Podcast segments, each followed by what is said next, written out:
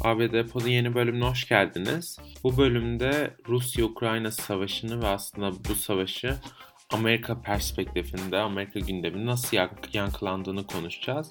Aslında henüz daha Putin Ukrayna işgal kararını vermeden önce Biden ve ABD hükümeti sürekli olarak Putin'in böyle bir niyeti olduğunu, Putin'in elbet bu hafta içinde Ukrayna işgal edeceğini sürekli söylüyordu. Aslında bir noktada bu tepki de çekmeye başlamıştı. Çünkü yani Biden sürekli aynı şeyleri söylemesine rağmen, sürekli aynı suçlama yönet, yöneltmesine rağmen Putin'e karşı Putin'den bununla ilgili bir aksiyon gelmiyordu. Dolayısıyla bir de üstüne üstü Kremlin yönetimi sürekli bunu inkar ediyordu. Bu tarz bir gelişimlerin olmayacağını açıklıyorlardı kamuoyuna.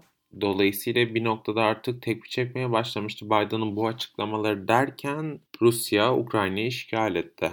Bu işgalin ardından gözler direkt olarak zaten Biden yönetimine döndü. Çünkü Ukrayna'nın Rusya'yı püskürtemeyeceği aslında bilinen bir durum. Yani Ukrayna bir noktada ABD yönetiminin hatta NATO'nun takviyesine Avrupa Birliği'nin desteğine ihtiyacı olacak. Putin'e karşı direnebilmek için. O yüzden savaşın ilk günlerinde akıllardaki soru bir askeri desteğin olup olmayacağıydı. Ancak hem NATO ülkeleri hem Amerika Birleşik Devletleri kesin bir dille askeri bir desteğin olmayacağını açıkladılar. Hatta Biden dün tekrar bu açıklamasını yineledi. State of the Union adresinde kendisi ABD askerlerinin hiçbir şekilde Rus askerleriyle karşı karşıya gelmeyeceğini tekrar olarak söyledi. Çünkü aslında bunun yaşanması en kötü senaryo. Çünkü bunun yaşanması 3. Dünya Savaşı'nın başlaması anlamına geliyor.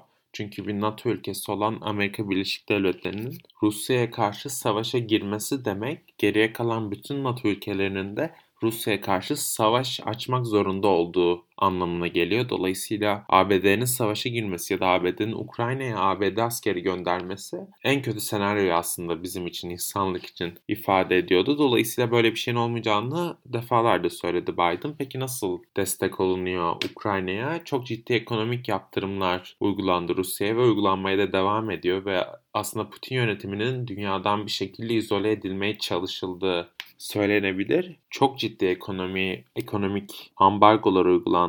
Putin yönetimine karşı ruble çok ciddi oranda %30, %40'larda bir değer kaybı yaşadı. Rus borsası çok ciddi bir değer kaybı yaşadı. Bazı çok major Rus bankaları uluslararası Swift, Swift sisteminden çıkartıldı. Bu da aslında Rusya için çok büyük bir darbeydi ekonomik açıdan. Aynı zamanda vatandaşların da günlük hayatını birebir etkileyecek bir karardı bu. Bunun dışında petrol fiyatları fırladı. Dolayısıyla bundan bütün ülkeler etkilendi aslında petrol fiyatlarının artmasında. Zaten şu an Amerika'da mevcut bir enflasyon sıkıntısı da var. %7'ler civarında gezen bir enflasyon ve aslında Amerika'da çok da gelmiş bir durum değil bu. Dolayısıyla bu tarz bir savaş aslında Amerika ekonomisi üzerinde de çok çeşitli belirsizlikler oluşturmuş durumda. Ancak her şeye rağmen Biden yönetimi Ukrayna'yı tam desteğe devam ediyor. Ekonomik yaptırımlar dışında Rusya'ya Avrupa'daki bazı NATO ülkelerine ABD asker konumlandırmış durumda. Bunun dışında NATO'nun daha önce aktive edilmemiş bir ordusu aktive edildi. Avrupa'da yine Rusya'ya yakın bir bölgede. Ukrayna'nın NATO üyeliği tekrar söz konusu oldu aslında. Yani Ukrayna tarafı bunu dayatıyor. Bizi Avrupa Birliği'ne alın, bizi NATO'ya alın şeklinde. Ancak Ukrayna'nın NATO'ya alınması demek yine aynı zamanda 3. Dünya Savaşı'nın başlaması demek. Çünkü bir NATO ülkesine savaş açtığında bir başka ülke tüm NATO ülkeleri o savaş açan ülkeye savaş açmak zorunda. Dolayısıyla bu da doğal olarak 3. Dünya Savaşı'nı başlatacağı için Ukrayna'nın şu an NATO'ya alınması gibi bir şey pek de söz konusu değil. ABD buna da pek yanaşmıyor. Asker göndermeye de yanaşmıyor ve aslında şu anki mevcut yaptırımlar çizgisinde ilerleyecek gibi gözüküyor Biden yönetimi. Yani ekonomik yaptırımlara devam edecek ve aslında Putin yönetimine birazcık daha izole etmeye çalışacak gibi gözüküyor.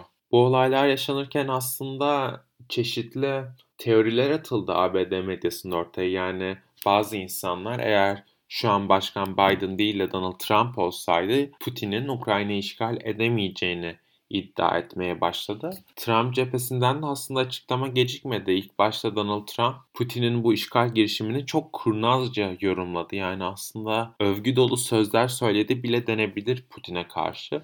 Ama daha sonrasında Cumhuriyetçi Parti üyelerinden bile kendisine tepki gelince birazcık re takarak Putin'e tepki gösterdiğini, Ukrayna halkı için dua ettiğini belirtti Donald Trump. ABD siyasetinde şu an Ukrayna-Rusya savaşı konusunda bir birlik oluşmuş diyebiliriz. Çünkü dün gerçekleşen Joe Biden'ın başkanlık döneminde yaptığı ilk State of the Union adresinde yani kongre toplantısı oldu. State of the Union dediğimiz şey başkanların yılda bir kez bütün kongreyi toplayarak halka hitap etmesi oluyor aslında. Ve Joe Biden seçimi kazandığından ve göreve geldiğinden beri ilk defa State of the Union adresi gerçekleştirdi halka karşı.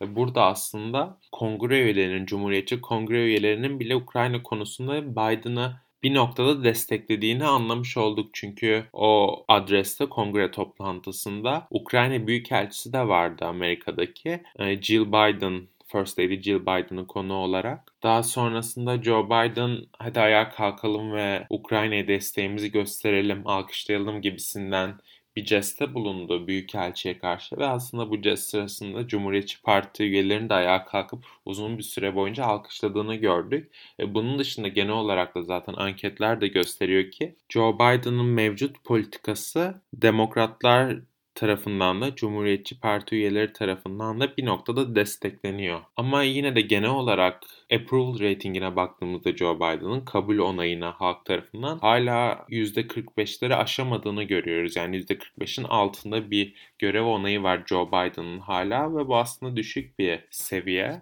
görevdeki bir başkan için. Ve şimdi aslında Rusya'nın bu hamlesi Biden'ın işini daha da zorlaştırmış gözüküyor. Çünkü zaten iç politikada eli güçlü değildi Joe Biden'ın. Bir de bir anda çıkan Rus-Ukrayna savaşı önümüzdeki ara seçimlerde Cumhuriyetçilere kongrede bir çoğunluk verecek mi vermeyecek mi hep birlikte izleyip göreceğiz aslında. Bu haftaki bültenimizin sonuna geldik. Dinlediğiniz için teşekkürler.